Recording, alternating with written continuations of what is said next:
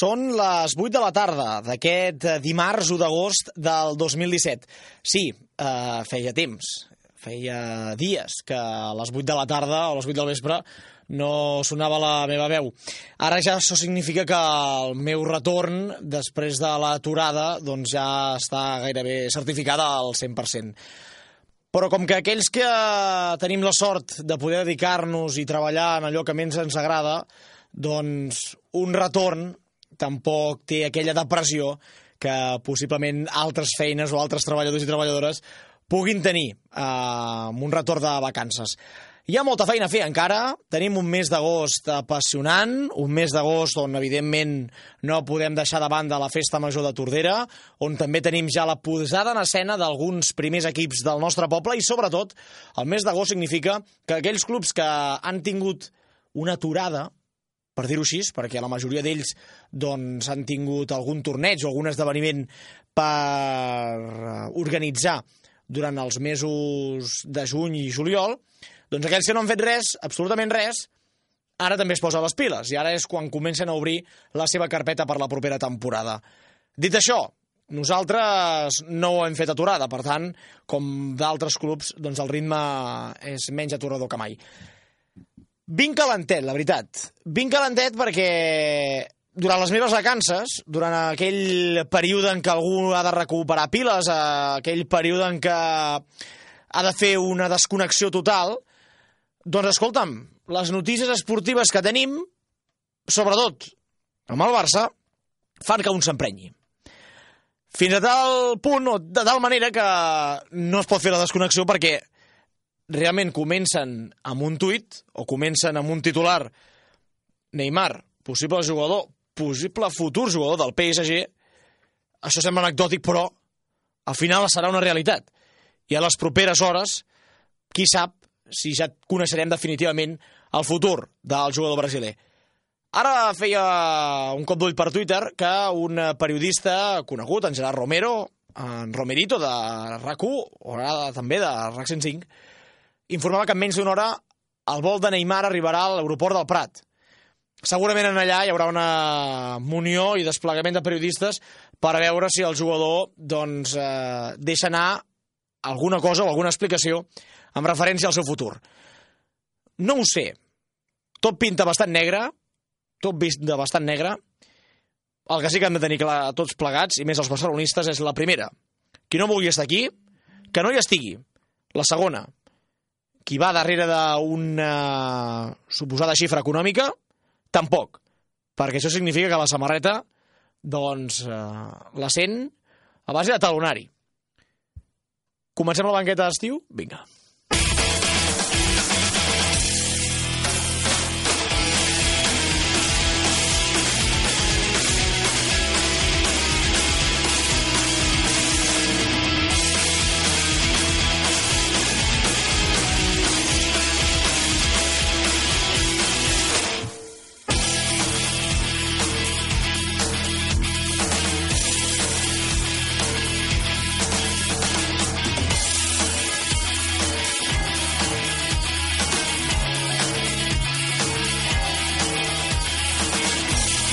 3 minuts per sobre de les 8 de la tarda.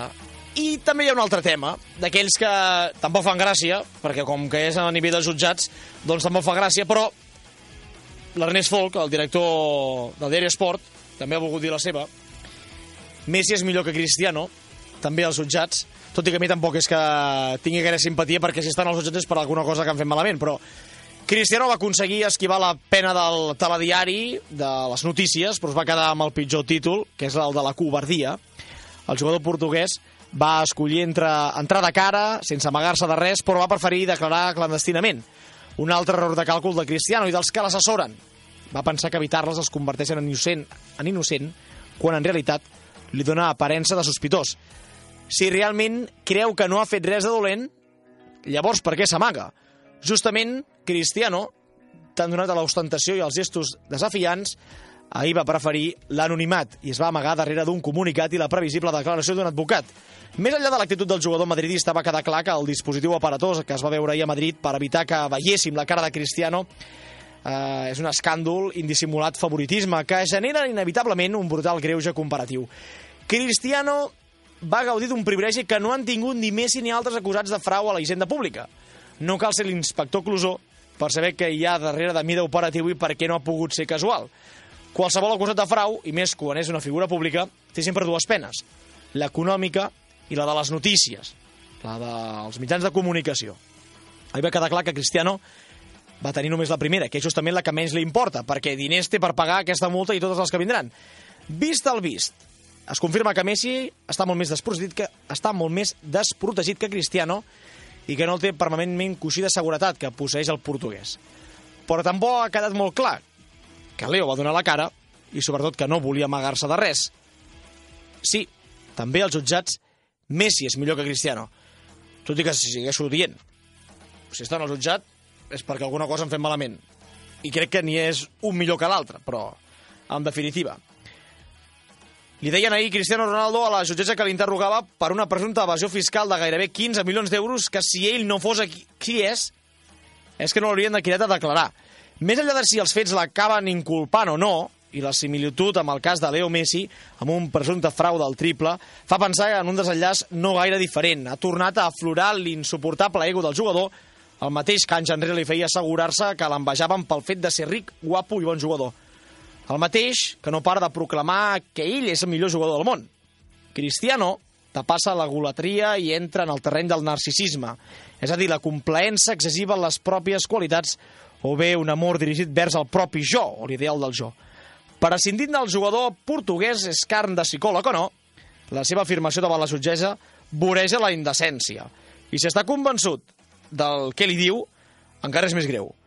Leo Messi i el seu pare el van fer accedir per la porta principal passant per davant de totes les càmeres i en canvi Cristiano va entrar directament a l'aparcament de la seu judicial en un cotxe amb vidres foscos, privilegi que semblava reservat a Mariano Rajoy.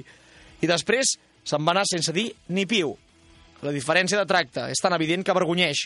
Tot això el mateix dia que Àngel Maria Villar ja ha sortit de la presó, pagant 300.000 euros de fiança, i a l'expresident del Barça, Sandro Rossell, li ho deneguen novament. Ja ho veieu, l'esport, on malauradament els processos judicials, els temes que són totalment extraesportius, fan que siguin ara mateix portada a la majoria de rotatius i molts d'ells, per molt que tinguin nom, nom diferent, fa que comentin i tinguin la mateixa visió. En tot plegat, avui estem a dimarts 1 d'agost, estrenem més i per tant doncs, tenim també encara molts de continguts amb una carta de presentació dins de la banqueta d'estiu. 8 minuts per sobre de les 8, deixem davant de l'opinió i ens centrem ara sí amb el contingut i el que és la pura producció radiofònica.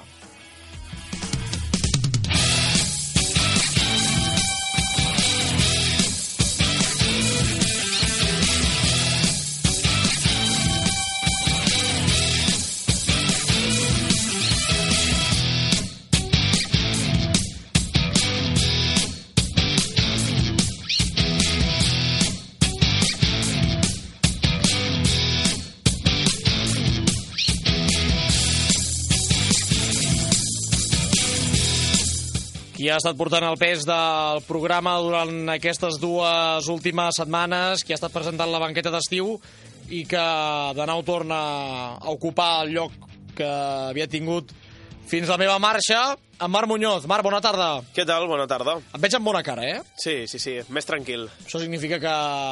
Bueno, tampoc has patit massa, no? No, Aquests no, últims no. 15 dies. La veritat és que molt bé. Està bé, no, no, jo la veritat vaig marxar molt tranquil i he tornat també força tranquil. Per tant, la confiança al 100% més que garantida i d'en pas doncs aprofito públicament per felicitar-te per la tasca que has fet durant aquest temps, que no és fàcil, que tu mateix en primera persona pots veure el moviment que tenim dins del Departament d'Esports i jo de vegades eh, no menteixo. Per tant, aquí, aquí està i queda palesa la feina que es fa dia a dia. Queda molt d'estiu encara, per això, molta feina encara. Queda molta feina, sí senyor. Marc, què tenim avui al programa? Doncs avui començarem amb l'actualitat local. Eh, Repassarem, o veurem en aquest cas, una notícia d'un tordarenc que participarà una prova el proper març. Tindrem una entrevista d'actualitat amb l'Eduard Garcia de bàsquet sobre rodes amb la Paula Soler. Després explicarem el canvi de dia per què. En aquest cas, donem-li voltes amb el Turling Vila de Tordera, el qüestionari de la banqueta i l'actualitat general, si el temps ho permet. Perfecte, Marc. Eh, doncs eh, només hem de dir que comencem abans per això. Mm, si fem un cop d'ull a l'actualitat més pura i estricta d'aquesta hora de la tarda, ja sabeu que ja l'operació eh, pretemporada amb molts partits en joc de futbol i un d'ells és el del primer equip del Girona, que està jugant ara mateix a Palamós davant del Brighton, minut 7 de la primera part, empat a 0, on és l'estrena de l'equip gironí per dir-ho així, davant la seva afició més que gironina. Bé, doncs ara sí, 8 i 10 minuts de la tarda. Comencem.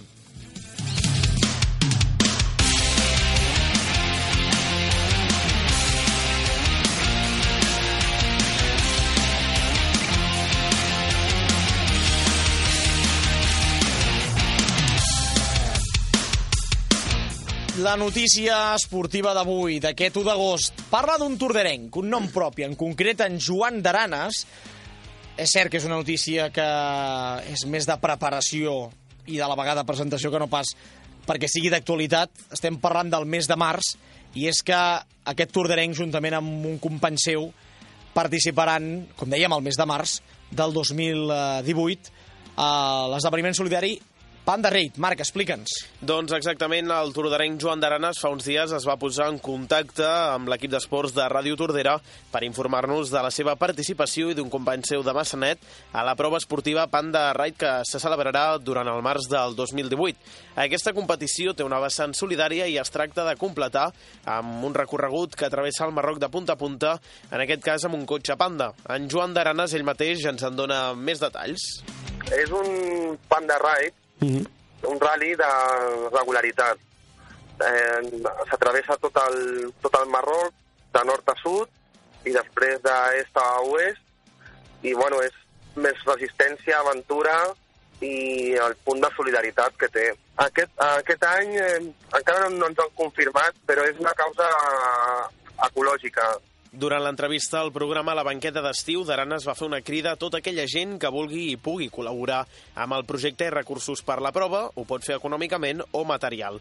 El cost total és d'uns 6.000 euros aproximadament, deixant de banda el cotxe que ja l'han adquirit. Doncs principalment nostres.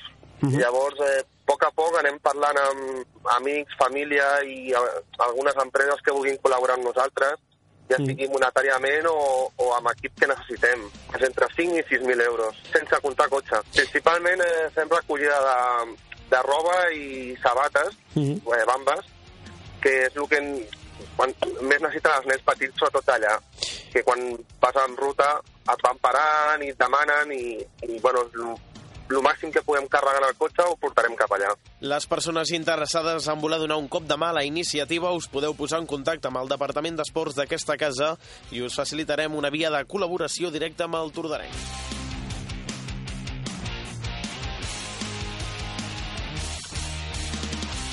Gràcies, Marc, per la informació. Estem a punt d'arribar a un quart de nou de la tarda, un quart de nou del vespre. Fem tot seguit una aturada per la publicitat i avui en Marc doncs, eh, té un convidat en el programa d'aquells que eh, li fan il·lusió entrevistar, poder xerrar una estona amb ells i a la vegada també ens fa a tots plegats especial eh, il·lusió també poder-lo tenir entre nosaltres.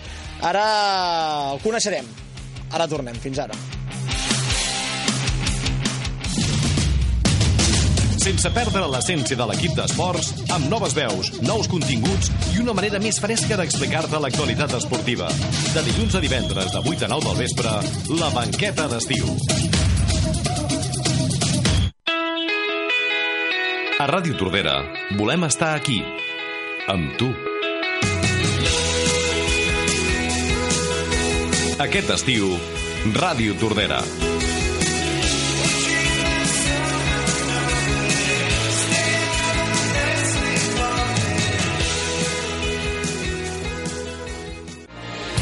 Càpsules informatives. Els propers 4, 5, 6 i 7 d'agost es durà a terme la Festa Major de Sant Daniel 2017.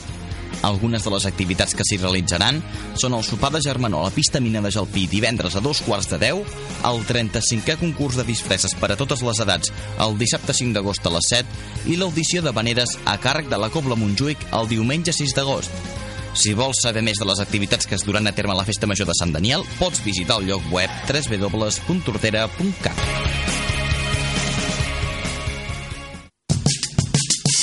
És el moment de tramitar renda i patrimoni o societats. A Poni Pujol Empresistes trobarà assessorament, especialitat i dedicació davant d'aquests impostos. Som la solució als seus problemes. Poni Pujol. Ens trobarà al camí Ral 35 de Tordera o al telèfon 93 764 0469. Ser mecànic de vehicles no és canviar una peça vella per una de nova directament. Al taller Williams Reparacions aquesta és l'última opció. Reparacions en general, electricitat, mecànica, aire condicionat, hidràulica. Taller Williams Reparacions, troba'ns al carrer Montnegre 17 de Tordera i al telèfon 93 171 25 41. Aprofita l'oferta del 50% de descompte en el canvi d'oli i filtres durant aquest mes. La banqueta d'estiu, el programa esportiu diari de Ràdio Tordera amb Joan Martín i Marc Muñoz.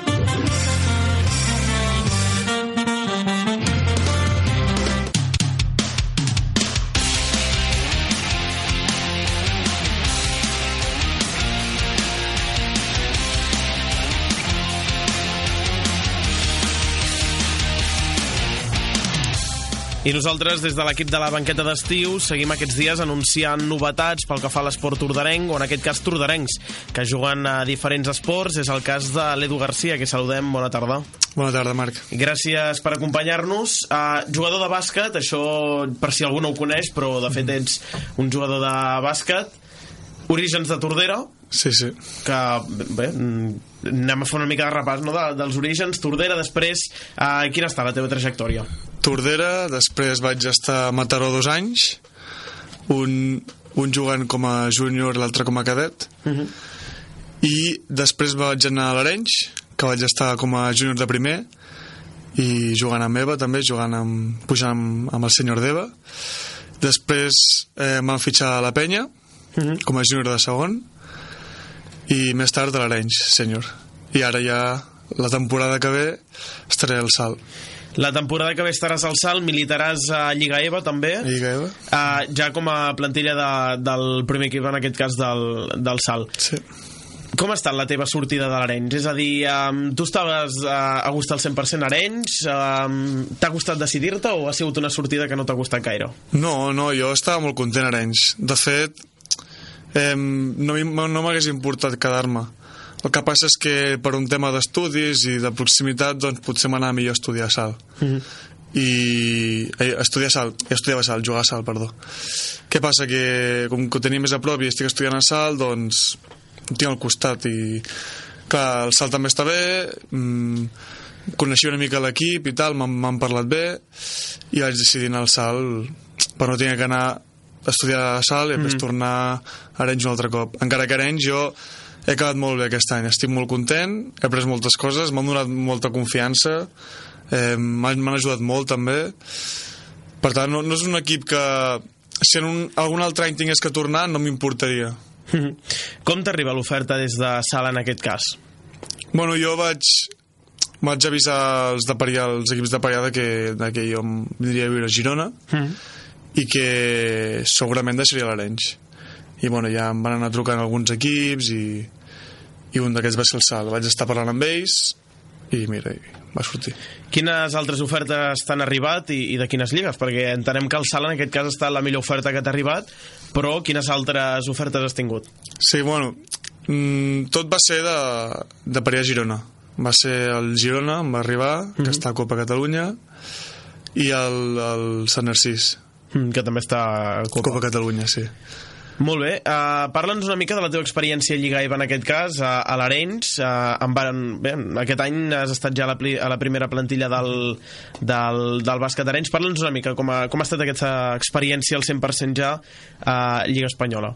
Bueno, mm, molt bé, al principi va ser complicat, encara que no ho va semblar, potser em va costar més a la meitat de temporada, però bé, tot és molt diferent, és un altre món. El, la, les condicions físiques que necessites per jugar allà són molt altes, et demanen molt, eh, tàcticament també, la gent és molt bona, hi ha jugadors molt veterans que et donen un repàs mm, i clar, t'has de ficar al teu nivell i nivell d'exigència teu puja moltíssim i l'has d'anar, has d'intentar arribar-hi Mm. A nivell esportiu, aquesta temporada amb el- amb l'Arenys com ha anat en general, eh? ja parlant de, de l'equip? Bé, no, um, teníem una plantilla que tampoc era per um, quedar molt bé, però era més per mantenir, però al final vam, vam acabar molt bé i contents, sí, sí. Estadísticament parlant, pel que fa a títol individual, no sé si... Bueno, és una cosa que a Lliga IBA ja és bastant habitual, estadístiques i aquestes coses. Uh, Parla'ns de, del teu cas, estadísticament, com ha anat? Bueno, a veure, al començament vaig començar bé, però a mitja temporada va començar a baixar. Però bueno, jo tampoc sóc dels que em fixo molt amb això, amb aquests temes, perquè al final eh, tu pots jugar un partit i les estadístiques et diuen una altra cosa. Mm. Eh, bueno, al final potser em van, anar- em van anar millor les estadístiques, però tampoc és algo que, que estigués molt, molt ficat que m'influenciés molt. Mm. Clar que te'l vas mirant a vegades per a veure com va, però tampoc és que... Multiòptica Sala, en aquest cas, eh, com es presenta la temporada? Ja heu començat amb, amb fer la pretemporada. amb- Bé, parla'ns una mica de com es presenta. Bueno, sí, tenim ja pretemporada feta del tema de... per arribar una mica preparat dels entrenos i bueno, començarem a, a, a l'última setmana d'agost i bé, i amb moltes ganes jo amb moltes ganes de- d'estar a un altre equip i, i jugar i, i aportar el màxim possible Com es presenta la plantilla? És a dir, tu veient, suposo que ja us coneixeu una mica, has vist la plantilla tancada, l'entrenador fins i tot que, que influeix molt. Fes una previsió una mica com creus que anirà la temporada. Home, jo crec que eh, patirem, o sigui, ens costarà. Mm. No és el mateix salt de l'any passat. La plantilla ja no té tants els jugadors que tenia abans, que eren molt bons. Però, a veure, mm, si ens hi fiquem i, i mostrem compromís entre tots, es pot treure. Són molt joves, potser els jugadors que hi ha aquest any? Sí, sí, hi ha molt de jovent. Bueno, em, que hagi jovent no vol dir res. Ara ells també érem joves i, clar, vam arribar... Bueno, a veure, vam quedar vuitens, però tampoc... Podíem haver quedat millor, també. Mm -hmm. I el salt la temporada passada, què, què tal li van en aquest cas? Bé, a ells els hi va anar bé. Van tenir una mica de, de muntanya russa, mm. perquè guanyaven molts, perdien molts, però en general bé. Per tant, com comentaves, afrontes amb moltes ganes aquesta propera temporada. La part de l'entrenador, el coneixies, l'entrenador eh, que, que en aquest cas el portarà la temporada que ve? Sí, bueno, d'haver jugat contra ell amb l'Arenys, mm. però no de parlar amb ell directament, però sí, molt bon, molt bon noi, sí, sí. Tu potser en categories més de formació estaves més acostumat a Barcelona, eh, els teus anys de júnior sí que són júnior competicions del rendiment, vas a Girona, notaràs el canvi potser, el canvi de, de província en aquest cas? Bueno, a veure, el canvi ja el vaig notar abans, però quan estàs a sènior tampoc es nota molt de canvi, perquè al final els de Barcelona van a Girona i els de Girona van a Barcelona, o sigui que tampoc hi ha molta diferència. Mm -hmm. Bé, anem acabant, eh? Aquí aprofitem per preguntar de la teva posició, en aquest cas el, el multiòltip, el, el salt, ara ja com a curiositat, eh? T'hauràs de guanyar els minuts a fot dels entrenos o és una posició que potser no sou gaires al, a l'equip o... Bé, explica'ns una mica no, com està la situació pel que fa al, al, al, a títol personal al teu equip.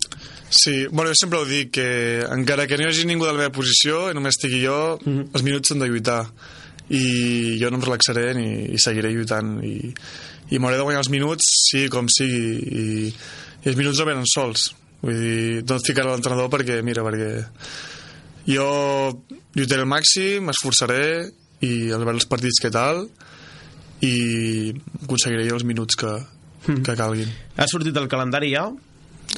Um, sí, sí que ha sortit, sí. Bé, uh, no sé si el primer partit el tens present ja quan i contra qui serà? Primer partit és contra l'Arenys. Ah, per tant, així és un partit interessant, no? Entretingut, sí, sí, sí. I a Casa Arenys o al Salt? Um, crec que és a Casa d'Arenys. Bé, per tant, hauràs de visitar un camp conegut per tu. Sí, sí. Creus que això és un, és, uh, un punt a favor o en contra, en aquest cas? Que coneguis també uh, el camp on vas, uh, pot donar-te un punt de pressió de dir bueno, tothom vol quedar bé d'allà on ve o, o potser més tranquil·litat per dir sé com és, sé com són Bueno, um, jo crec que aniré igual o sigui, realment és un partit com altres clar que és el meu exequip però no vol dir res um, jo aniré a lluitar i a guanyar el partit i, uh -huh. i a veure què tal amb l'equip perquè encara no sé ben bé encara no he tingut un primer contacte amb tots els jugadors. Suposo que també hi haurà previstos partits de pretemporada. Clar, clar. Um, quan comença la Lliga? Per això és a finals de setembre o octubre, no? Sí. Per tant, Sí, sí. encara queda marge perquè comenceu a, a fer algun partit de pretemporada. En qualsevol cas, seguirem pendents i bé, res més. Moltes gràcies per haver-nos acompanyat. A tu. I una temporada més per informar-nos a, a nivell a, doncs, a, de bàsquet on jugues, com va i com es presentarà la temporada. Gràcies, Marc. Moltes gràcies. Vinga. Sense perdre l'essència de l'equip d'esports, amb noves veus, nous continguts i una manera més fresca d'explicar-te l'actualitat esportiva. De dilluns a divendres, de 8 a 9 del vespre, la banqueta d'estiu.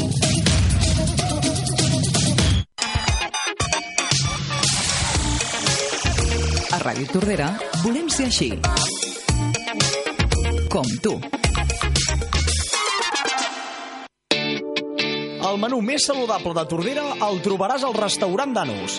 De dilluns a divendres trobaràs el menú diari per 10 euros i mig i el mig menú per només 8 euros. I els caps de setmana trobaràs el menú per 15 euros. I per sopar pots venir des de les 7 de la tarda fins a les 12 de la nit. A més, podràs gaudir de tots els partits de futbol i de la nostra terrassa per a fumadors. Restaurant Danus, al carrer Ausia Smart 3 del veïnat de Sant Pere de Tordera. Immobiliària Santa Mònica. Promoció, compra, venda i lloguer. Construcció de tota mena de béns immobles. Immobiliària Santa Mònica, al camí Ral 140 de Tordera, telèfon 93 765 0170.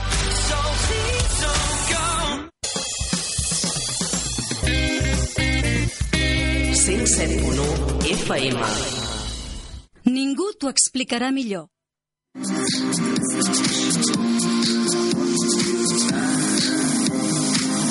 Sobre rodes.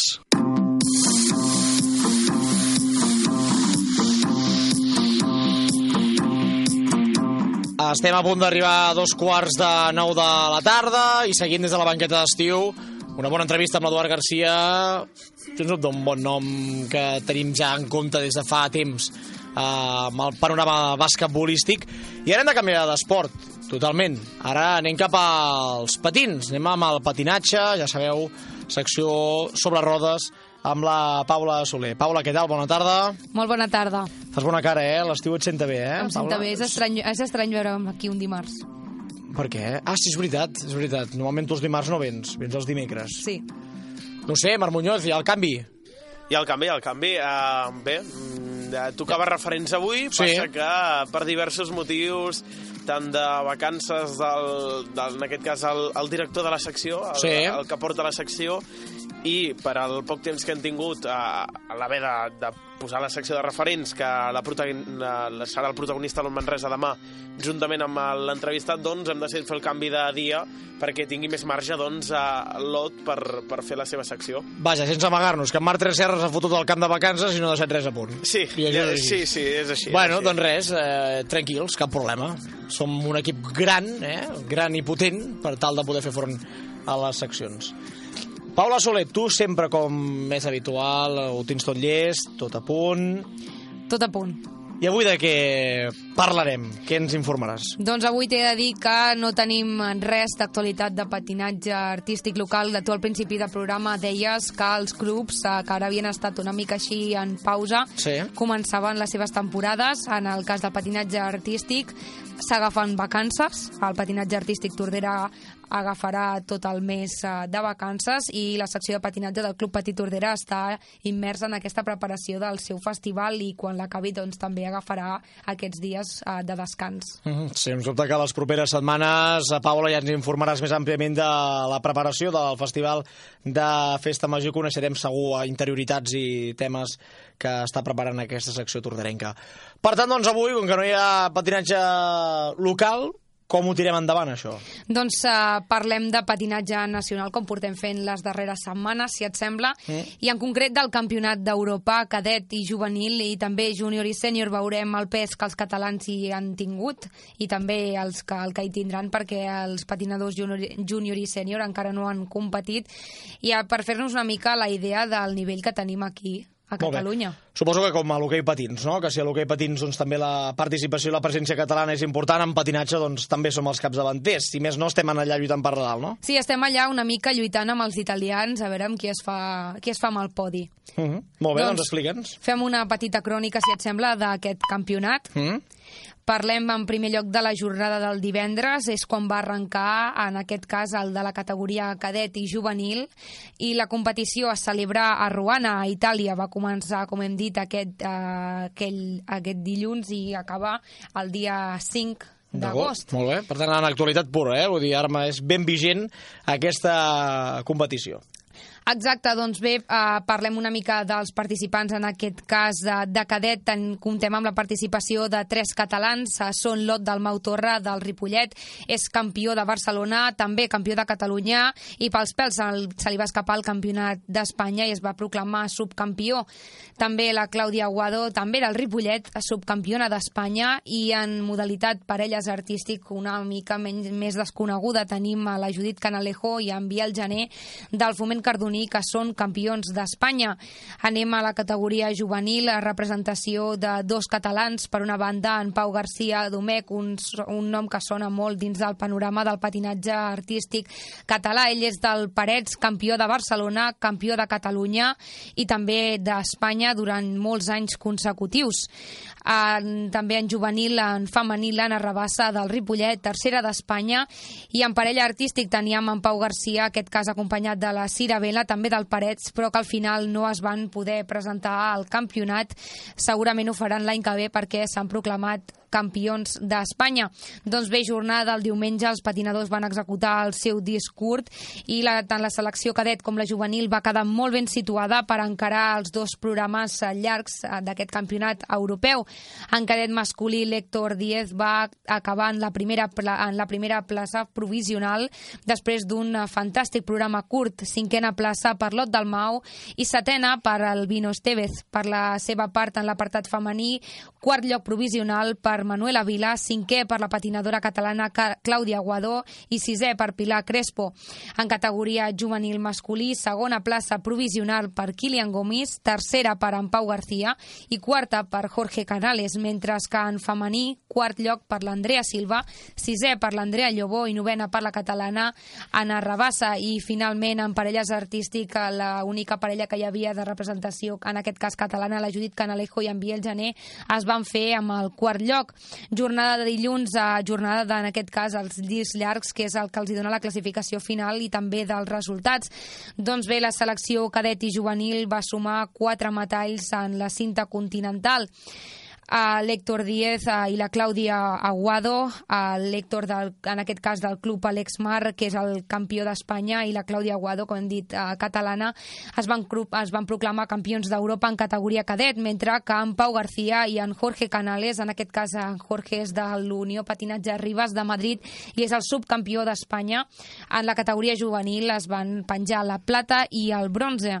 Díaz es va, pro- va, pro- va protagonitzar un fantàstic programa llarg que li va permetre penjar-se per unanimitat del jurat la medalla d'or en lliure. I per la seva banda la, la catalana Clàudia Guadó es va proclamar vencedora en la categoria combinada que perquè els nostres espectadors ho sàpiguen és una barreja de les puntuacions que els patinadors obtenen en les figures obligatòries i també en lliure en la mateixa categoria. Setena plaça per al català Ot del Mau, vuitena per al Vino Esteves, sisena per eh, Pilar Crespo i novena per Manuela Vila. I en aquest cas la catalana va acabar cinquena de lliure. En categoria juvenil, en Pau Garcia es va sobreposar les molèsties que arrossegava per una lesió i va oferir un fantàstic disc llarg amb diverses puntuacions que van arribar fins al 9,9 en la puntuació B. Per la seva banda, en Jorge Canales va pujar fins al tercer lloc del podi després d'un bon disc llarg, per tant, representació catalana en aquest podi i cinquena plaça per l'altre, en Kilian Gomis. I en categoria femenina, quarta plaça per l'Andrea Silva, sisena per l'Anna Rabassa i octava eh, per la Andrea Lobo. Finalment, en parelles dansa a nivell eh, ja representants espanyols, cinquena plaça per a Paola Counom i a Juan José Regna. Doncs aquests són els resultats eh, del eh, campionat eh, d'Europa en categoria cadet i juvenil. Ara, el, a partir d'avui, començaran els de categoria júnior i sènior, on podem veure-hi patinadors que hem tingut l'oportunitat de veure aquí als festivals que s'han eh, organitzat al nostre municipi. En aquest cas, en categoria sènior, tenim una representació de set catalans, són en Pere Marcinyac, no sé si et sonarà el seu nom, l'hem pogut veure aquí al Festival de la secció de patinatge del Club Petit Tordera durant diversos anys, unes actuacions que sempre han deixat al públic una mica així, eh, molt sorprès. Sí, no, el cognom sona, el cognom sona, per tant, té que venir per aquí, perquè una altra cosa no, no conec pas cap altra persona que, que tingui aquesta referència, si més no. Doncs esperem a veure si aquest any també el podem veure. Ell és un patinador del Foment Cardoní que enguany s'ha proclamat campió d'Espanya. També hem pogut veure en algun festival en Llorenç Álvarez del Ripollet, tercer en aquest cas d'Espanya, en Kevin Bordas eh, d'Alcaldes d'Estrac, quarta posició. La Mònica Jimeno també la van poder veure al darrer festival del patinatge artístic Tordera. Ella és del Mollerusa, campiona d'Espanya, campiona d'Europa l'any 2016 i tercera del món també l'any passat. I la, Noemi, la Noemí Isla del patinatge artístic Cadil, la tercera d'Espanya. Doncs bé, esperem a veure les classificacions d'aquestes categories júnior i sènior. També dir que des de la pàgina web de la FIRS, que és la Federació Internacional d'Esports sobre Rodes, es pot seguir aquest campionat, en aquest cas, que comença avui el categoria júnior i sènior. Uh -huh. Aquests campionats eh, com es desenvolupen? És a dir, com funciona aquest, aquest tipus de competició? És a dir, eh, tot va molt per puntuació que tregui cada patinador i cada patinadora? Eh, segueixen una primera jornada, una segona jornada, eliminatòries? Com, com va? Doncs bé, tenim el Campionat d'Espanya. Del Campionat d'Espanya en surten els patinadors que competiran al, al Campionat d'Europa. En principi uh -huh. són els tres primers, però en cas un, que un dels tres renunciï, per exemple, perquè vagi al Campionat Mundial aquest any ha passat amb un patinador de Madrid, doncs passaria l'oportunitat per al quart classificat en aquest Campionat d'Espanya. Uh -huh. Els patinadors viatgen al lloc on se celebra el campionat. Hem de dir que no reben ninguna ajuda de la Federació Espanyola. Que no estan subvencionats, no? Exacte. En parlàvem en una altra entrevista amb en, amb en Marc, mm -hmm. i un cop allà la jornada es desenvolupa en dos discs. Un és el disc curt, diguem-ne, és una mica el que està més pautat, el que està més eh, reglamentat per la federació, que estableix que hi ha d'haver determinats salts i determinades piruetes. Uh -huh. És un disc que, com diu bé el nom, dura entre dos i tres minuts segons la categoria. Ara mateix no sabria dir-te perquè per als patinadors de cadet i juvenil i per júnior i sènior els minuts són diferents, però ronden entre els dos i tres minuts. I després tenim el disc llarg que els patinadors eh, surten a executar-lo depenent de la classificació que hagin obtingut en el curt. I en aquest disc llarg és on obtenen la posició final, el disc curt és provisional i la, la puntuació que, no, que obtenien en aquesta segona jornada del disc llarg és una mica on poden exhibir més el que saben, poden els seus programes ser una mica més uh, espectaculars i més elaborats i més diferents entre ells. Aquesta puntuació que treuen en aquest disc llarg es multiplica, se suma a la del disc curt i d'aquí és d'on surt la classificació final. De manera que tu pots haver tingut, per exemple, un bon disc curt, haver-te posicionat en quart lloc, però en el disc llarg haver tingut més mala sort i pots baixar perfectament, doncs, no sé, tres o quatre posicions o fins i tot més. Mm -hmm. Dic que la Paula Soler ens ho ha explicat això sense cap paper davant, vull dir, de memòria, eh? i això, sap, això significa la tradició de patinatge que, que ella porta a la sang. Molt bé, Paula, doncs moltes gràcies per acompanyar-nos avui dins de la banqueta. Ens retrobem d'aquí Set, una setmana, sí, set, dies. O vuit, dies. dies. Sí, depèn, depèn de com vagi el tema. bueno, no marxis gaire lluny, que també en repassarem actualitat esportiva general amb tu. Merci. Fins la setmana que ve l'actualitat. Molt bé. 8 i 38 de la tarda. I després de sobre rodes, de patinatge, el que hem de fer és parlar de Twirling. Twirling, que estan amb nosaltres. Sí, som Mi vida me empezó a cambiar la noche que te conocí. Tenía poco que perder y la cosa sigue así. Yo con mis sostén a rayas y mi pelo a medio se. Pensaste todavía es un niño, pero ¿qué le voy a hacer? Es lo que andaba buscando, el doctor recomendando. Creí. Hem posat molt ràpidament la sintonia Donem-li voltes, que és la sintonia que marca l'inici del Club Turlin Vila de Tordera, però les noies encara no estaven aquí a punt a l'estudi. Ara ja sí que em diuen que podem tirar endavant. Donem-li voltes amb el Club Turling Vila de Tordera. Ets dels que fa esport durant l'estiu? Llavors tens la mateixa genètica que els de la banqueta d'estiu.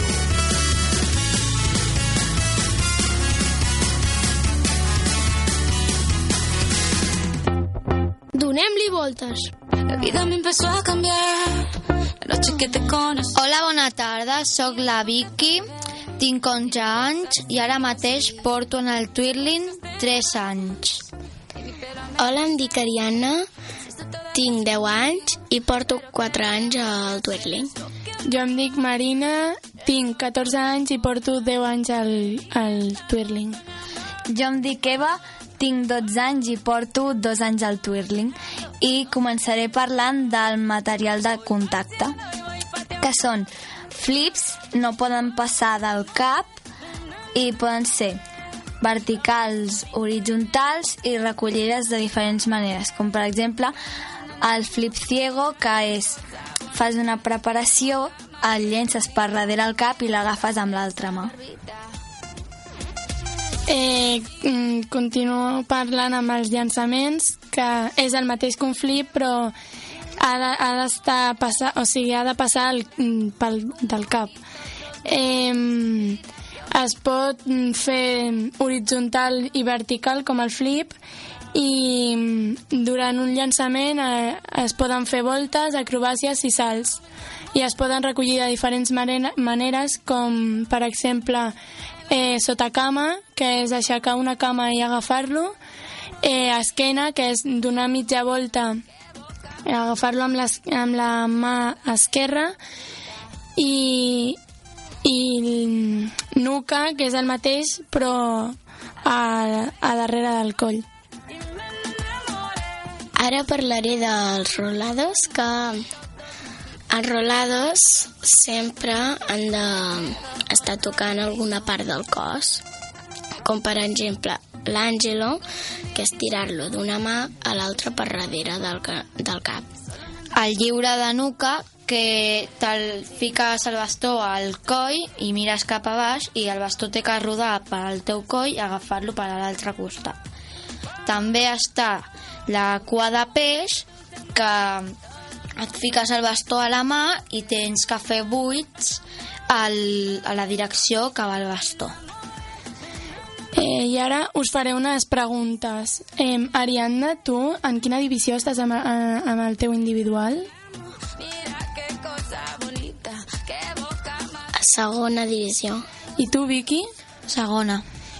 Mm, Bueno, i, i tu, Eva?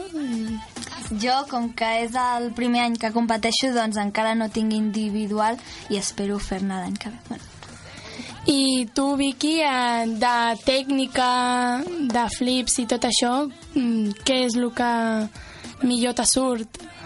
El reversé. La recollida reversé, no? Sí.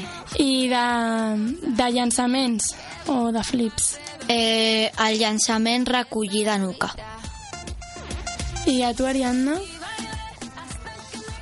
Mm, sota cama, Llançament o flip? flip. I tu, Eva? jo al flip poder el flip ciego. Sí. I de llançaments? El, com la Vicky, el nuca. I de rolados, com esteu? O sigui, sabeu molt o... A mitges. Més o menys. Depèn de quins. I to, els que heu explicat eh, us surten mm, a les 3 o... A mi em surt l'Àngelo i la cua de peix. A mi l'Àngelo i la cua de peix. A mi l'Àngelo em costa una mica, però algun dia m'ha sortit. La cua de peix i el flip ciego també. I, i a part d'aquests rolados us surten alguns més, alguns més o només aquests? La balança... Eh, I no sé quins més. I a tu, Ariadna? La balança i fugir més. I a tu, Eva? Mm, no sé. El... La balança? No, bueno, molt poc, però... Un? Una balança? bueno. I en aquesta temporada, Vicky, quins rolados o flips o llançaments nous t'han sortit? Eh, les tres alleccions, eh, la allecció girant-me i no sé més. I de llançaments i flips? De, de llançaments, el llançament amb la roda cap a l'altre costat, perquè jo ho faig per l'altre costat, i el llançament paloma. I, i a tu, Ariadna? Pues les tres eleccions i els, alguns fugimis. I de llançaments i flips i tot això? Les tres rodes, la paloma i... ja està. Però això ho esteu provant o us ha sortit? Ho estem provant. La majoria ja em surt, però els fugimis els estic practicant aquest any. I de llançaments també us han sortit o esteu provant també? Jo estic provant el llançament doble roda. I tu, Ariadna? Jo també estic pro provant la de doble roda. I tu, Eva, estàs provant algun llançament o... Jo estic provant el de llançament tres voltes, que m'han sortit ja unes quantes vegades, però no l'agafo cada vegada, com el una o dues voltes, i has pagat paloma. I de flips i això, us, us han sortit nous o... No. No heu provat ninguna? No. I llançaments o flips horitzontals? Eh, D'horitzontal, a l'horitzontal il·lusió i a l'horitzontal roda i a l'horitzontal tres voltes. L'estàs provant? Sí, la roda i la il·lusió m'ha sortit ja. I a tu, Ariadna? Jo la volta al mòndiga. I... Horitzontal. I tu, Eva? Jo estic provant el dos voltes horitzontal i de vertical el em, volta il·lusió. I ara, en aquest mes d'agost, esteu entrenant? Sí, estem entrenant l'elasticitat, eh, coses noves del bastó per als solos de l'any que ve, etc. Molt bé. I, i mm, en tema elasticitat feu coses noves, o sigui, en, pla, en, que feu coses més dures i tot això, Ariadna? Sí, són molt dures per mi almenys. Contigo yo tendría diez hijos. Empecemos por un par.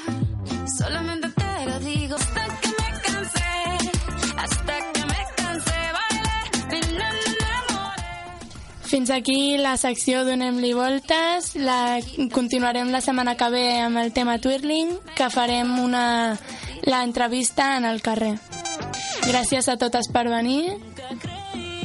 Darrer. De res. De res.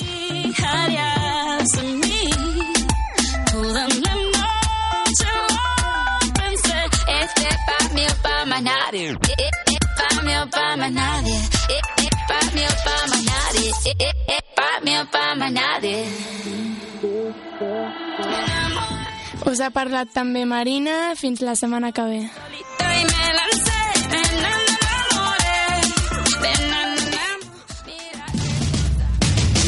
Sense perdre l'essència de l'equip d'esports, amb noves veus, nous continguts i una manera més fresca d'explicar-te l'actualitat esportiva. De dilluns a divendres, de 8 a 9 del vespre, la banqueta d'estiu.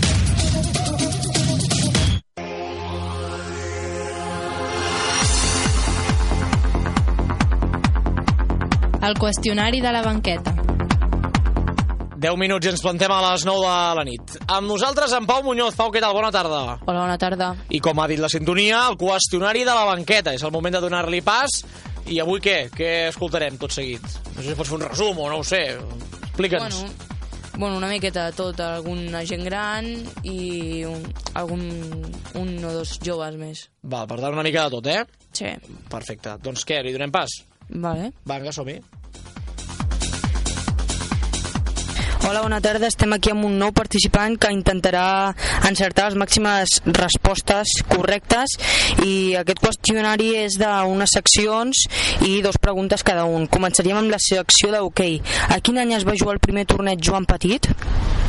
És que jo no, no sé d'aquí quan va començar perquè estic fa poc temps. Vale, doncs va ser el 2001. I quina és, qui és la presidenta del Club Petit Tordera actual? És que no coneix el patí. Jo sóc més de futbol i tampoc coneix molt el futbol d'aquí. Vale, doncs passaríem amb les de futbol. Qui és el màxim golejador del Futbol Club Barcelona? Suposo que el Messi. Molt bé. I com es diu l'estadi del Girona? L'estadi del Girona... Uh, Montelivi. Bé, ara passaríem amb la secció d'handbol. Quants jugadors d'un equip poden haver-hi a pista? D'handbol són set. Molt bé. Ara passaríem qui és l'equip que té més copes del rei d'Espanya. El Barça. Bé, passaríem amb la secció de twirling. Qui, què és el twirling? El twirling, si és el que jo penso, sembla que és això que va estira una... Bueno, no sé si és d'hivern, amb el gel i, i es va netejant, netejant perquè corri no, és una combinació de dansa, gimnàstica rítmica amb un element que és el bastó. I a quin any es va inaugurar el club de twirling de Tordera? Ni idea, ja dic que no. Fa poc temps que estic aquí i no, no ho sé. Pues fa poc que es va inaugurar, es va inaugurar el 2014 i l'última secció de tennis. Quant mesura de llargada i d'amplada un camp reglamentari de tennis? Un 20 metres, és que no sé exactament. 20 per quant? Suposo que per 10. Bueno, 23,77 metres de llargada i 8,23 metres d'amplada. I la última pregunta, amb quants jocs es guanya un set? Es guanyen 6. Molt bé. Fins aquí aquest qüestionari. Espero que li hagi agradat aquest temps que ha estat amb nosaltres i fins la, i fins la propera. Molt bé, gràcies. Adéu. Doncs seguim aquí amb un altre participant que està disposat a intentar respondre les màximes preguntes bé. Preparat? Preparat. Bueno, bàsicament són seccions i dos preguntes. Eh, desitjo la màxima sort possible. Vale? I començaríem amb la secció de hoquei. A quin any es va jugar el primer torneig Joan Petit? Ni idea. El 2001. Qui és la presidenta del Club Petit Tordera actual? Ni idea, perquè no sóc d'aquí, eh? vull dir que no, no sóc d'aquí, jo no. Bueno, no passa res, ara passaríem amb les de futbol. Quin és el màxim golejador del Futbol Club Barcelona? Ah, Messi. Molt bé. Com es diu l'estadi del Girona? Ah, uh, i, i Cornet, no, ja. Aquí és la meva benet em matarà si no me'n recordo. No me'n recordo, no. Montelivi. Montelivi, eh, això. I ara passaríem amb les d'handbol. Quants jugadors d'un equip poden haver-hi? D'handbol? Sí. Uh, sis? No. Quasi, set. I quin és l'equip que té més copes del rei d'Espanya? Barcelona? Sí. Ara passaríem amb la secció de twirling. Què és el twirling? Ni idea. És una combinació de dansa gimnàstica rítmica amb un element que es diu bastó. I a quin any es va inaugurar el twirling de Tordera? No ho sé mai. T'atreviries a dir algun, algun any a l'atzar? Aquí a Tordera, l'any 1980... No, fa poc això, el 2014. Bueno, i l'última secció que seria la de tennis. Quan de llargada i d'amplada un camp reglamentari de tennis? Llargada i amplada... Eh, 10 metres per 5 no, mesura 23,77 metres de llargada i 8,23 metres d'amplada. I la última pregunta, amb quants jocs es guanya un set? Amb quants? Amb set? No? No, ara és amb 6 jocs. Sí. Bueno, fins aquí aquest qüestionari. Espero que li hagi agradat aquest temps que ha estat amb nosaltres i fins la propera. Gaire. Bueno, no passa res. Fins la propera. Adeu. Hola, bona tarda. Aquí seguim amb un altre participant que aquest cas es diu... Derek. Derek, preparat per aquest qüestionari? Sí. Doncs te desitjo la màxima sort i comencem. Són seccions amb preguntes. Començaríem amb la secció d'hoquei. A quin any es va jugar el primer torneig Joan Petit? No n'estic enterat de que no, no en sé gens. Bueno, es va fer el, bueno, es va començar el primer torneig el 2001. I qui és la presidenta del Club Petit Tordera actual? Tampoc ho sé. Carmen Vila. I passaríem amb les de futbol. Qui és el màxim golejador del Futbol Club Barcelona? Leo Messi. Bé, i com es diu l'estadi del Girona? Hòstia. Oh. Jo vaig estar-hi allà. Collons. No me'n recordo ara. Es diu eh, Montilivi. I d'handbol, quants jugadors d'un equip poden haver-hi a pista? Diria que 5. No, 7. I quin és l'equip que té més copes del rei d'Espanya? De futbol? No, de handbol. Ni idea. Doncs és el Barça. I passaríem amb les de twirling. Què és el twirling? No és allò de que llences una, com una peça i tu has d'anar escombrant al terra? No, és una combinació de dansa, gimnàstica rítmica amb un element que és el bastó. I a quin any es va inaugurar el twirling de Tordera? Fa poc. Fa dos anys? Eh, sí, el 2014. I passaríem amb l'última secció de tennis. Quan mesura de llargada i d'amplada un camp reglamentari de tennis? No sé si eren 18 metres, potser. 18 per? 18 per... No sé si eren 18 per 7 o així. No me'n recordo. No, eren 23,77 i l'altre t'has apropat més 8,23 metres. I l'última pregunta, amb quants jocs es guanya un set? Eh, no sé si... 3? No, amb 6 jocs. Bueno, fins aquí aquest qüestionari i espero que li hagi agradat el temps que ha estat amb nosaltres i fins la propera. Ara, adeu. Adeu.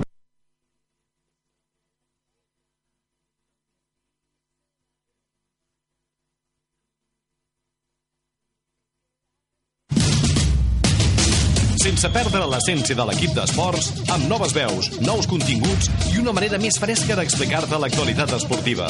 De dilluns a divendres, de 8 a 9 del vespre, la banqueta d'estiu.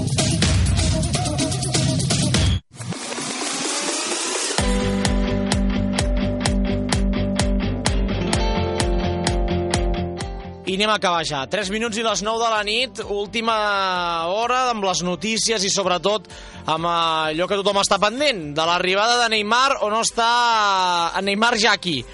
Doncs ho veurem en uns instants. El que sí que hem de fer és que el Barça confirma que Neymar és camí de Barcelona i espera que dimecres es presenti a l'entrenament. Paula Soler. El president del Futbol Club Barcelona, Josep Maria Bartomeu, té prevista una reunió amb Neymar quan el brasiler torni de la Xina per acabar de resoldre el seu futur. Davant dels rumors sobre una aterrada l'avió que ha agafat Neymar per abandonar el país asiàtic, s'ha parlat de Qatar, París i fins i tot el Brasil. El club ha confirmat que el brasiler és camí de Barcelona. Si no hi ha cap novetat d'última hora, aquest dimecres al matí Neymar s'ha de presentar a l'entrenament que hi ha previst a la ciutat esportiva Joan Gamper. A hores d'ara, el Futbol Club Barcelona no ha rebut cap comunicat per part del jugador on demani permís per absentar-se. Hem de dir que l'avió de Neymar, que venia de Dubai, ja ha aterrat a Barcelona fa 4 minuts a la Terminal 1. Per tant, en principi, els periodistes han d'estar ja a la caça i captura de Neymar a l'aeroport del Prat. Seguim amb més Neymar perquè, Paula, hem de dir que apareixen cartells que qualifiquen Neymar de traïdor als voltants del Camp Nou. Una fotografia d'un full de color groc amb lletres ben grans acompanyada d'una imatge de Neymar i dos símbols del dòlar escrits a mà està sent un dels darrers fenòmens a les xarxes socials. I és que la cadena brasilera de televisió Globo Esporte, mentre realitzava un reportatge al voltant del Camp Nou, ha descobert que han aparegut diversos cartells com el que, aquest en el que qualifiquen Neymar de traïdor i de mercenari. Doncs si no fes el que farà, segurament això no li passaria. Parlem ara de l'Espanyol, que s'entrena a Alemanya sense Gerard Moreno ni Hernán Pérez. Pau Muñoz. L'Espanyol ha marxat cap a Alemanya per fer una, mi, una mini gira de pretemporada que inclou dos partits amistosos. Aquest dilluns per la tarda, Quique Sánchez Flores ha dirigit una sessió de, pe de petita localitat de Erlazque amb, amb molta, participa molta participació de pilota, però sense Gerard Moreno ni Hernández Pérez, que han fet, que, que han fet treball a la banda del grup. En aquest estat, al terreny, al terreny alemà, el blanquiblau s'en- s'enfronten a Twern. Dimar, dimecres el partit amistós a les 6 a les 18.55 en directe per Esport 3 i a l'Hamburg diumenge a les 14.55 en directe per Esport 3. Per tant, el pòsit esportiva de l'Espanyol aquest, aquesta propera setmana. I també acabarem parlant de bàsquet perquè el Futbol Club Barcelona Rassa, el Futbol Club Barcelona Lassa ha recuperat a Marc Garcia per al primer equip i com a reforç puntual per al filial. Pau. L'escorta Marc Garcia torna al Barça a l'Assà després de la seva sessió al Betis. El català de 21 anys i 1,97 m for formà part del conjunt que s'entrena Cito Alonso i a més podrà disputar partits amb el Barça B a la Lep Or. Marc Garcia va arribar al Barça el 2012 amb 16 anys. Amb el club baraurana, l'escolta va disputar una temporada a la categoria júnior júnior i dues saltejades amb el final de l'Ep Or. La temporada 2013-2014 i la, i la 2015-2016, el curs 2014-2015 va marxar cedit al bàsquet Manresa. Mm. Qua, 4 punts per partit a la ABC i l'últim i l'última al Betis 4 punts de mitjana en 17 partits. Volia dir en Pau a l'ACB, no a l'ABC. L'ABC és un eh, diari esportiu, perdó, diari esportiu tampoc, un rotatiu, eh, mitjà de comunicació. Eh, rotatiu esportiu no. Eh, ho deixem aquí, dir que el Girona està jugant a Palamós, un partit que està oferint en directe Esport 3 i que de moment empat a 0 entre el Girona i el Brighton. Arribem a les 9 amb el butlletí que realitzaran els serveis informatius d'aquesta casa i després el cant de la sirena. Posem el punt i final, doncs, al programa. Pau Muñoz, moltes gràcies. Fins la setmana que ve. O, bueno, no, fins dijous, no? sí, fins fins dijous. dijous. Per tant, doncs, fins dijous, Pau. Paula Soler, moltes gràcies. Tu sí, fins aquí una setmana. Fins aquí una setmana. Marc Muñoz, moltes gràcies. Fins demà. Tornem demà. Uh, I poca cosa més. I poc més. Ja ho tenim fet, no, doncs? Sí, sí, avui ja ho tenim. Doncs punt i final a la banqueta d'estiu. Tornem demà a la mateixa hora, a partir de les 8, amb l'última hora de Neymar, amb l'última hora de l'actualitat esportiva i sobretot amb molts temes d'esport. Tour d'Arenc, gràcies per la seva atenció, que vagi bé, adeu-siau, bona nit.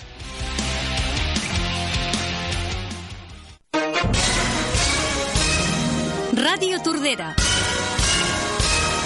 Notícies.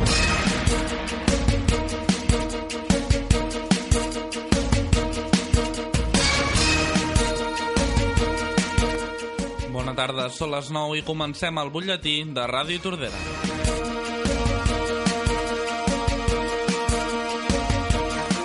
Finalment, Santa Susana no collirà